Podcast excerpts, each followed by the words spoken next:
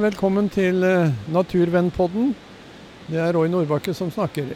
I dag så har vi temaet skog og skogsdrift, og vi har fått med oss eh, Geir Hardeng, som har jobba hos Fylkesmannen i mange år, og har eh, jobba nettopp med å prøve å verne skog.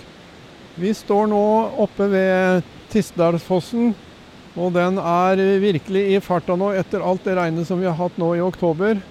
Så dere hører sikkert suset fra den. Ja, Geir. Eh, det er vel kanskje her ved Tistafossen at eh, hele skogindustrien begynte? Ja, det er det. Jeg får bare innledningsvis si at jeg er pensjonert. Jeg jobber ikke lenger hos Fylkesmannen, men jeg er nyslått pensjonist. Vi står ved Tistafossen, ja. Og det var her for så vidt noe av skogbruket begynte på et vis. her hadde vi vannkraften. Og vi fikk oppgangshagene utover på 1600-tallet. Og nettopp skogen er jo grunnlaget for at, at både Halden, Sarpsborg, Fredrikstad og Moss ligger der de ligger. Vi hadde skog, fløtingsvassdrag, vannkraft og utskiping. Og dette var nøklene for at vi fikk byene der de, der de er. Sarpsborg er jo et lite unntak, eh, men den hadde jo store sagbruk og da videre utskiping av trelast. Ja, og eh, du sier at til å begynne med så var det jo utskiping av trelast, men vi fikk jo etter hvert eh, store industrianlegg også på disse stedene. Og det er jo ikke bare trelast, men det, er, det brukes jo til mye. Hva, hva, kan man bruke skogen til? Ja, Går du litt tilbake i tid, så begynte jo vi her nede i Halden et sted som heter Møren. Møren, og det var jo nettopp sagflis som eh, kom ut med elva og dannet disse svære bankene som det som i dag heter Mølen. ligger jo det store eh, tømmervelter der i dag, klar for utskiping. Eh, og det er riktig at eh, før så brukte man jo trevare alt, til alt mulig i dagliglivet. Eh, selepinner, det var alt mulig ved, alt man kunne tenke seg. Og det var nok rimelig snaut rundt eh, Fredrikshall, som det het eh, tidligere. Man brukte jo skogen til og trær til alt mulig. Så fikk man eh, først tømmerdriften, hvor man eh, hadde da eh, eksporterte tømmerstokker. Gikk jo mye til England, Nederland og sånne steder. Og så etter hvert fikk man planker, oppgangshagene. Og så kom jo først celluloseindustrien, og sånt kom jo mye, mye seinere. Eh, Saugbrugsforeningen ble jo danna i 1859 og Borregaard litt seinere. Og så har det gått over etter hvert til finkjemi, som Borregaard er eh, skal vi si, i, i bresjen for. Og gått over til da papirproduksjon, eh, magasinpapir, som jo uh, Saugbrugs har i dag.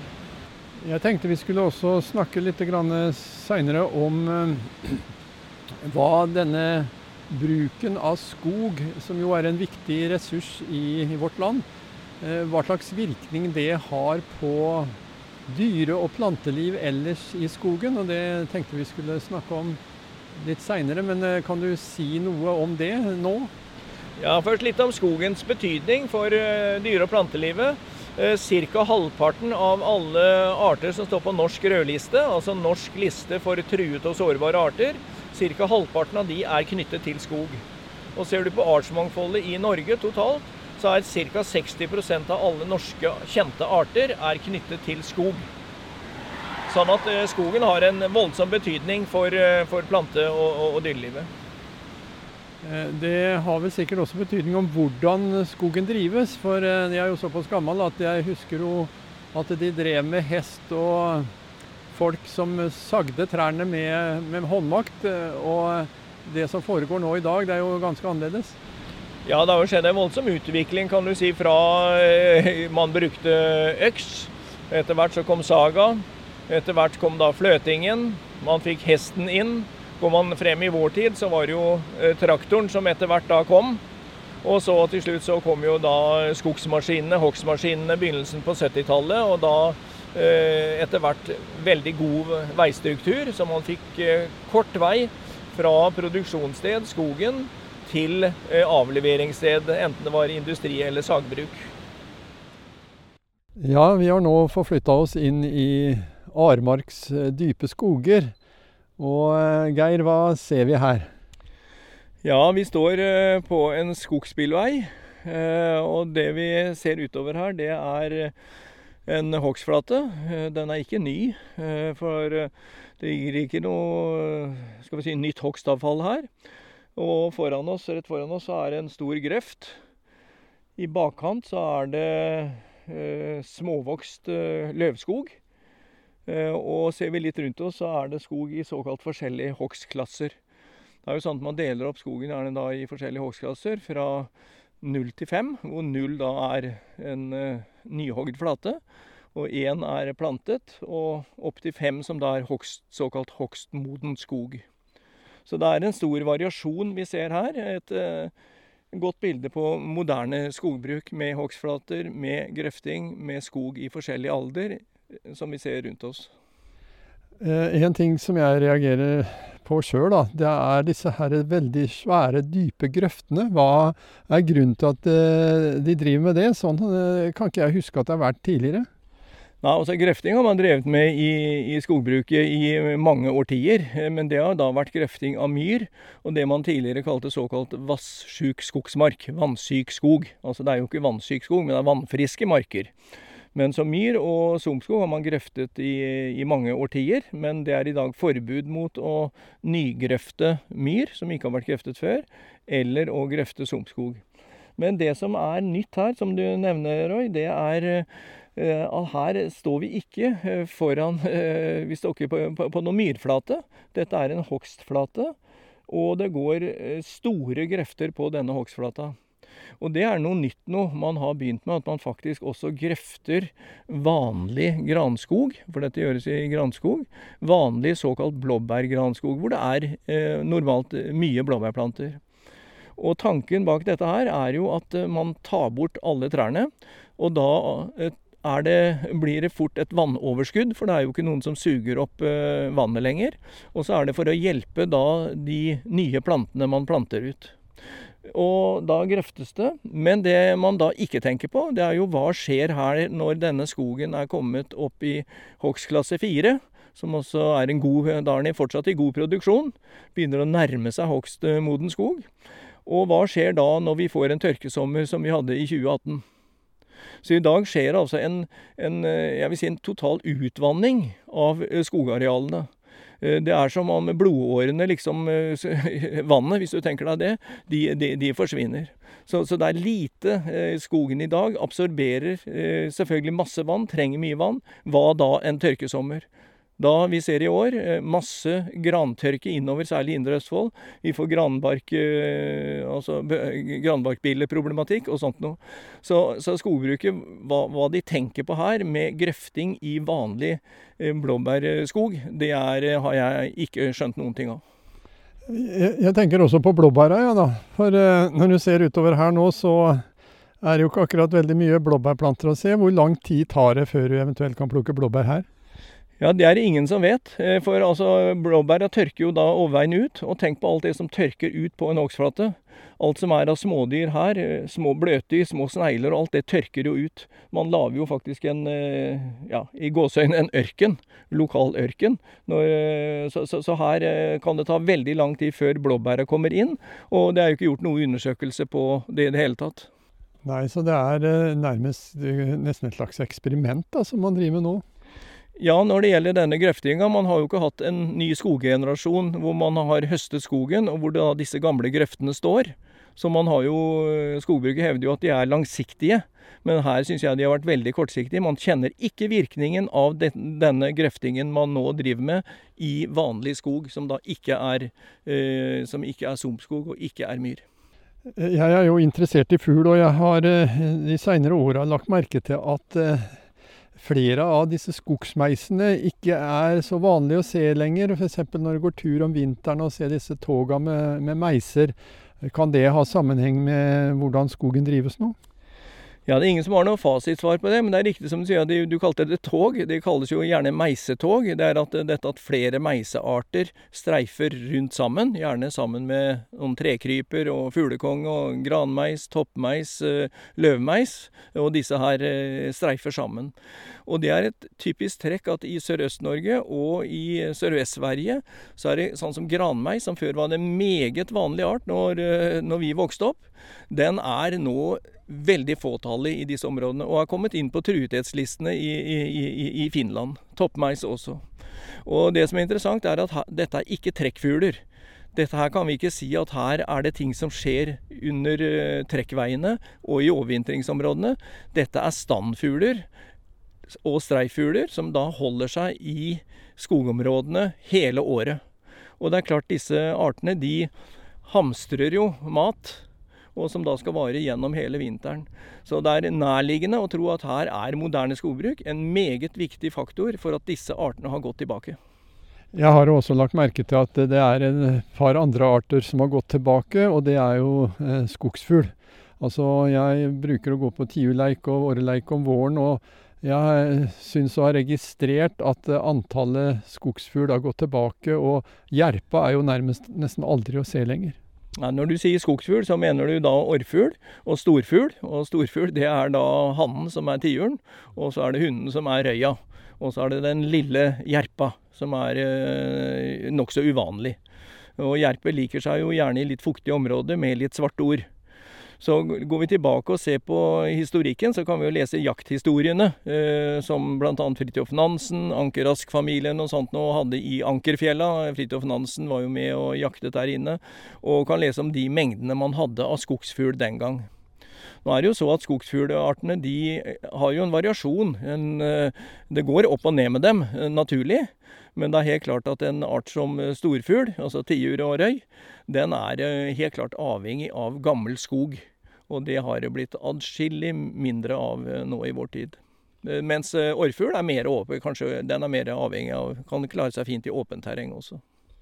Ja, men eh, mange av disse myrene som orrfuglen spilte på, er jo grøfta og begynner å gro igjen. Og det, det er jo ikke noe gunstig.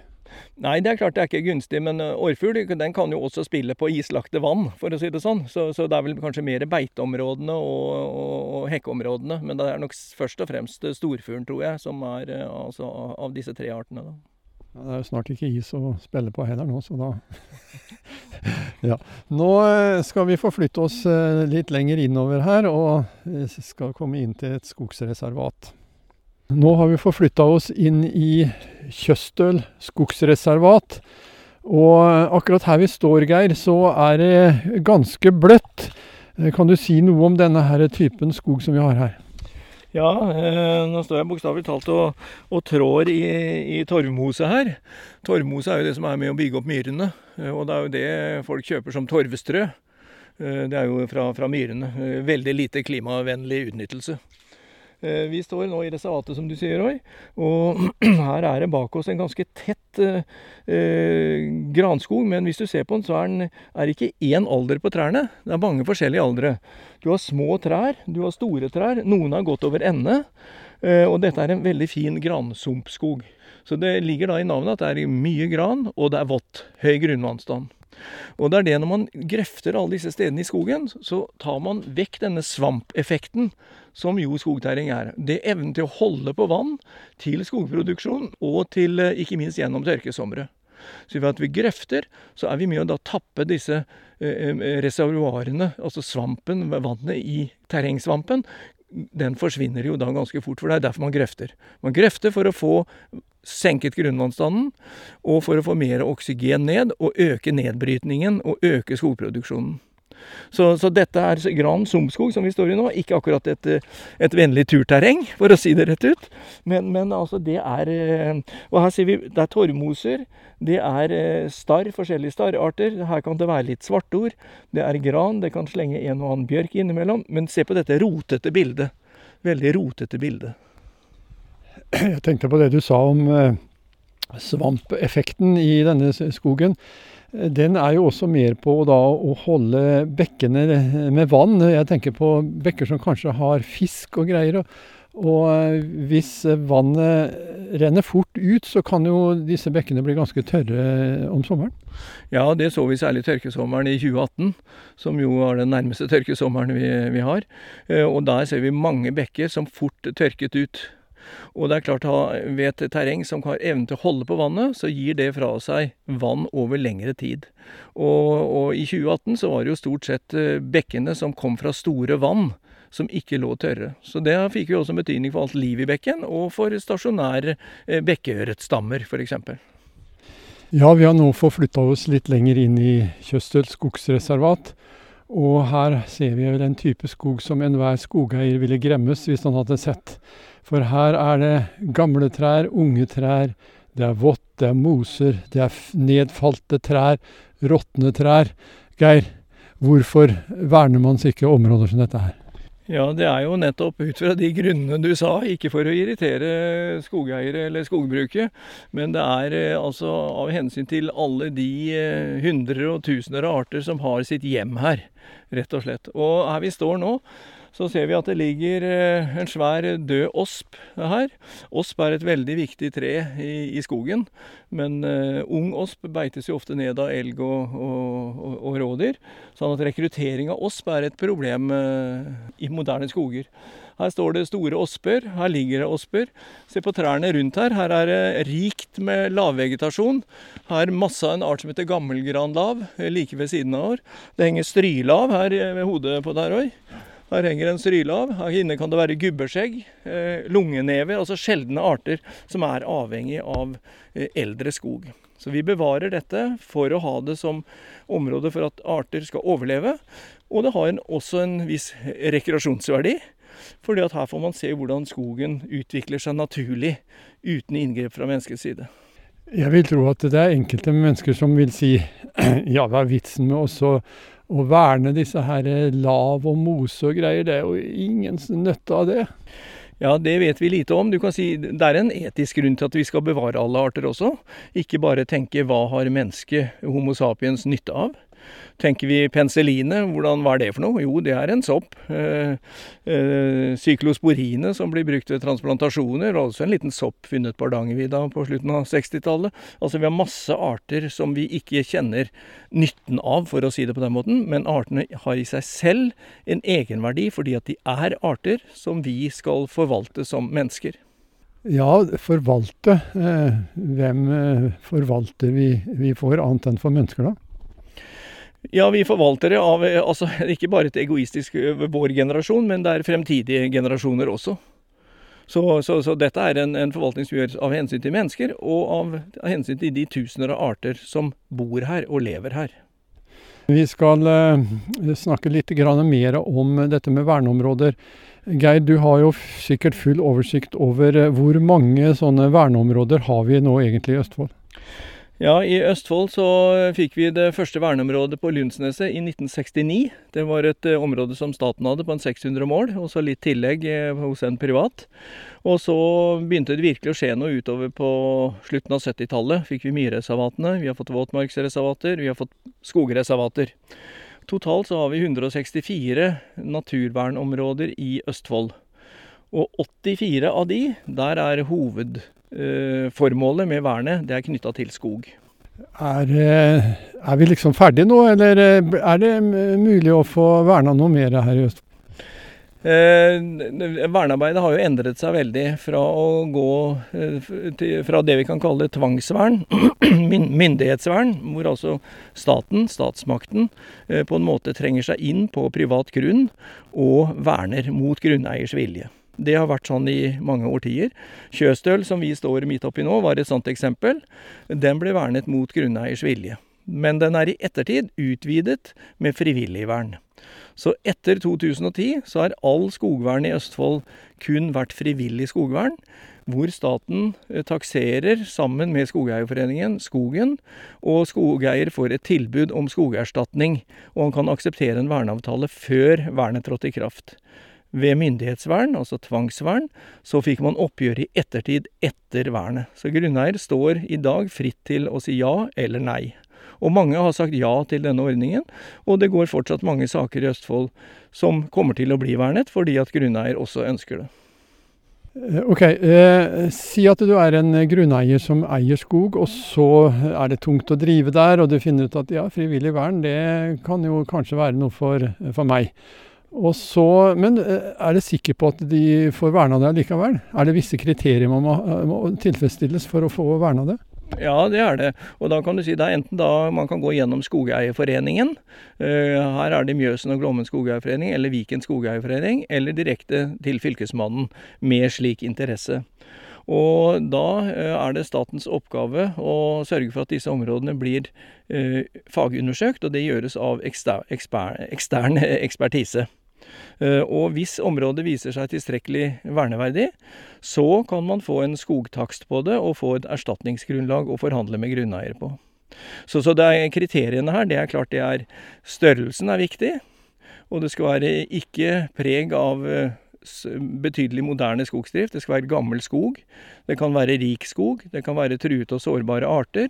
Og det skal være godt innslag av død ved. Og død ved altså døde eh, trær som står og ligger, det er noe av nøkkelen i gammelskogen. Eh, jeg tenker også på Du nevnte dette med størrelsen. Eh, du nevnte alle de reservatene som vi har i Østfold. Hvilke er de største? Ja, av de 84 som vi kan kalle skogreservater, da, så er det jo åtte stykker som er, det vil ikke si, er store. Som er over 5000 dekar hver. Og den største det er Lundsneset Boksjøen, som er på en vel 20 kvadratkilometer, 20 000 mål, eller dekar om man vil, som grenser til den svenske nasjonalparken Trestikkland, som er på ca. 30 kvadratkilometer. Det er det største. Så er det Vestfjella i Aremark-Halden. Så er det Fjella i Indre Østfold. Og vi har også flere andre som er store. Men du kan si de aller fleste er små reservater. Da, med små, da mener jeg skogreservater opp til ja, et par tusen dekar, kanskje. Er det, er det mulig å finne, finne, områder i Østfold fortsatt som det er jeg kan si kriteriene kan tilfredsstilles for å, å få et reservat? Ja, det begynner å tynnes. Vi har jo finkjemma i min arbeidstid hos Fylkesmannen sammen med Ota Krohn. Så finkjemma vi jo flybilder og hadde mye kontakt med forskjellige. Men her har skogeierforeningene en stor oppgave. De har anledning til å komme med forslag. Ikke bare tenke økonomi og økonomisk veiledning til skogeier, men også si at frivillig vern kan kanskje være noe for deg i denne skogen. Og der eh, føler jeg vel at der er en lang vei å gå, fordi at skogeierforeningene de de driver hogstplanlegging, de driver rådgivning, de driver gjennom entreprenører uttak av skog. Og dette med frivillig vern, jeg tror ikke det står veldig høyt på deres vanlige dagsorden. Du nevnte også en del andre typer reservater enn skogreservater. Disse fuglereservatene de vet jeg er freda for jakt, men åssen er det i skogsreservatene? Nei, i skogreservater så det som er fredet for jakt, det er såkalt våtmarksreservater. Altså viktige trekkområder for, for, for, for fugl. Men i skogreservatene så er det ingen begrensninger på jakt og fiske. Så elgjakt og, og rådyrjakt, til og med storfugljakt osv., det går som før, uavhengig av vern eller ikke. Hadde det ikke vært en tanke at i hvert fall de store områdene kunne fått et vern mot jakt også, for da hadde man jo gode referanseområder i forhold til de områdene som det drives jakt i? Jo, det er helt riktig, og dette har jo egentlig en, jeg vil ikke si en nesten en unnfallenhet overfor landbruksinteresser og jegerinteresser. Og det har lange tradisjoner i Norge med jakt og bruk av utmark. Og der har altså miljøvernmyndighetene ikke, ikke nådd fram. Sånn at jeg er enig med deg at i hvert fall storfugl, skogsfugl, mår og slike skal vi si, typiske barskogsarter burde vært fritatt for jakt. Storvilt, det kunne, det kunne gå. Men det er rett og slett et, ikke vært politisk mulig å få til. Ja, Geir. Jeg, jeg har hørt dette uttrykket 'sertifisering av tømmer'. Hva, har, hva er det for noe, og hvilken betydning har det egentlig? Ja, Det er en ordning som er skal vi si, fremprovosert jeg vil nesten si det sånn, av markedet som kjøper tømmer. Det begynte nok sånn på 90-tallet for alvor, hvor tyske storinnkjøpere av papir, Springer, Verlag og slike begynte å etterspørre miljøkvaliteter på norsk tømmer. Så i dag så er det en ordning, som du sier, en sertifisering, hvor altså det er en, et avtaleverk mellom den som produserer tømmer og selger tømmer, og de som tar imot tømmeret som kjøpere. Så det er, det er, det som ligger i disse sertifikatene, og da forplikter man seg da bl.a. til å miljøregistrere områder i skog. Hvilke områder er veldig viktige. Og det man da gjør, er at skogeierforeningene de har da egne folk som er ute og registrerer dette her. Og det har jo vært stilt av spørsmål om det er rette måten å gjøre det på. For at her er det jo klart det er en bukk og havresekk. Altså Skogbruket har aldri frivillig gått inn på miljøordninger i skog som ikke de har økonomisk fordel av. Det har vært en eh, kan du si, sak helt tilbake på 1970-tallet, det. Da vi fikk skogbruksloven 1976, etter Marka-debatten i Oslo, Løven, Skjold og Vassfaret og alle disse her, så har det gradvis vokst frem da et krav om at man også skal registrere miljøverdier i skog. Og det gjøres nå i dag. Det var noe å tenke på det, at det er markedet som på en måte eh, hjelper litt til for å ta vare på skogen. Da. Det, det, det er vel ikke så mange som har tenkt på det. Det var snakk her litt om dette med registreringer.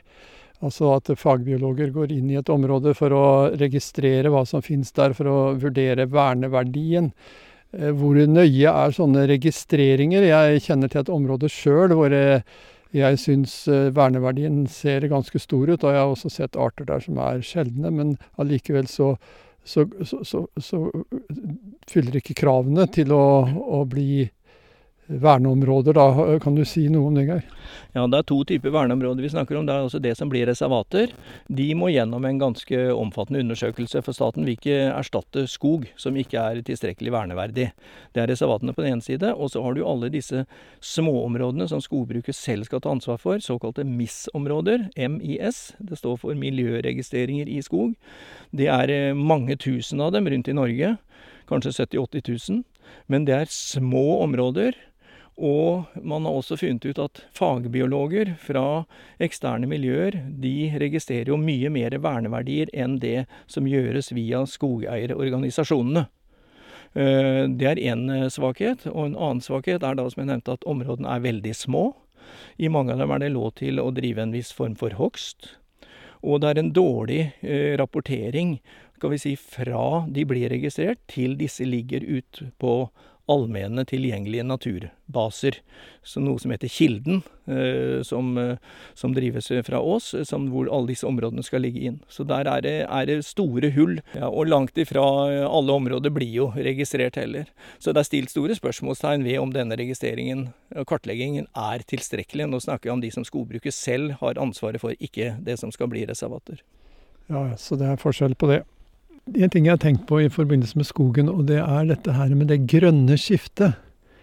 Eh, vi er jo inne i det mange mener en klimakrise, altså klimaet blir mildere. Har skogen eh, noe med dette å gjøre, Geir? Ja, altså Skogen er jo selvfølgelig ikke årsak til klimakrisen, men det som er hevdet er jo at jo mer skog vi har, jo mer binder vi av CO2. Og det er, det er, jo riktig, cellulose og de tingene. Og vi har aldri hatt mer skog i Norge enn det vi har nå, hvis du måler i kubikk. Det er, det er riktig. Men, men, det man eh, Enkelte sier jo litt flåsete at, eh, at eh, det, er ikke, det, er ikke det grønne skiftet, det er den grønne løgnen. Og det er litt flåsete sagt, men, men eh, når vi hogger skog, så, bruker, så, brytes jo da eh, denne fiberen ned på et eller annet tidspunkt, enten som papir eller som treverk, på et eller annet tidspunkt. Men det som er en, eh, en stor kapital, som, det er jo den mengde eh, karbon som er bundet til jordsmonnet, i form av strøfall, i form av tjukke matter med, med torv, ikke minst i myrene og hele rotsystemet til eh, soppene, som er jo myriader av sopptråder. Og når man hogger eh, denne skogen, så er det klart det frigjør jo da mye CO2 fra dette tjukke laget som er i nordlige skoger, som tropeskogene ikke har, og fra hele rotmassen til trærne det brytes jo ned. Og det er et regnskap og noe som jeg syns skogbruket snakker veldig lite om. De underkommuniserer den delen. Altså gammelskogen har en stor verdi som eh, klimaregulator i forbindelse med at den eh, beholder så mye av karbonet som den gjør. Det har jo også i forbindelse med det grønne skiftet eh, vært snakk om å gjødsle skogen. Hva tenker du om det?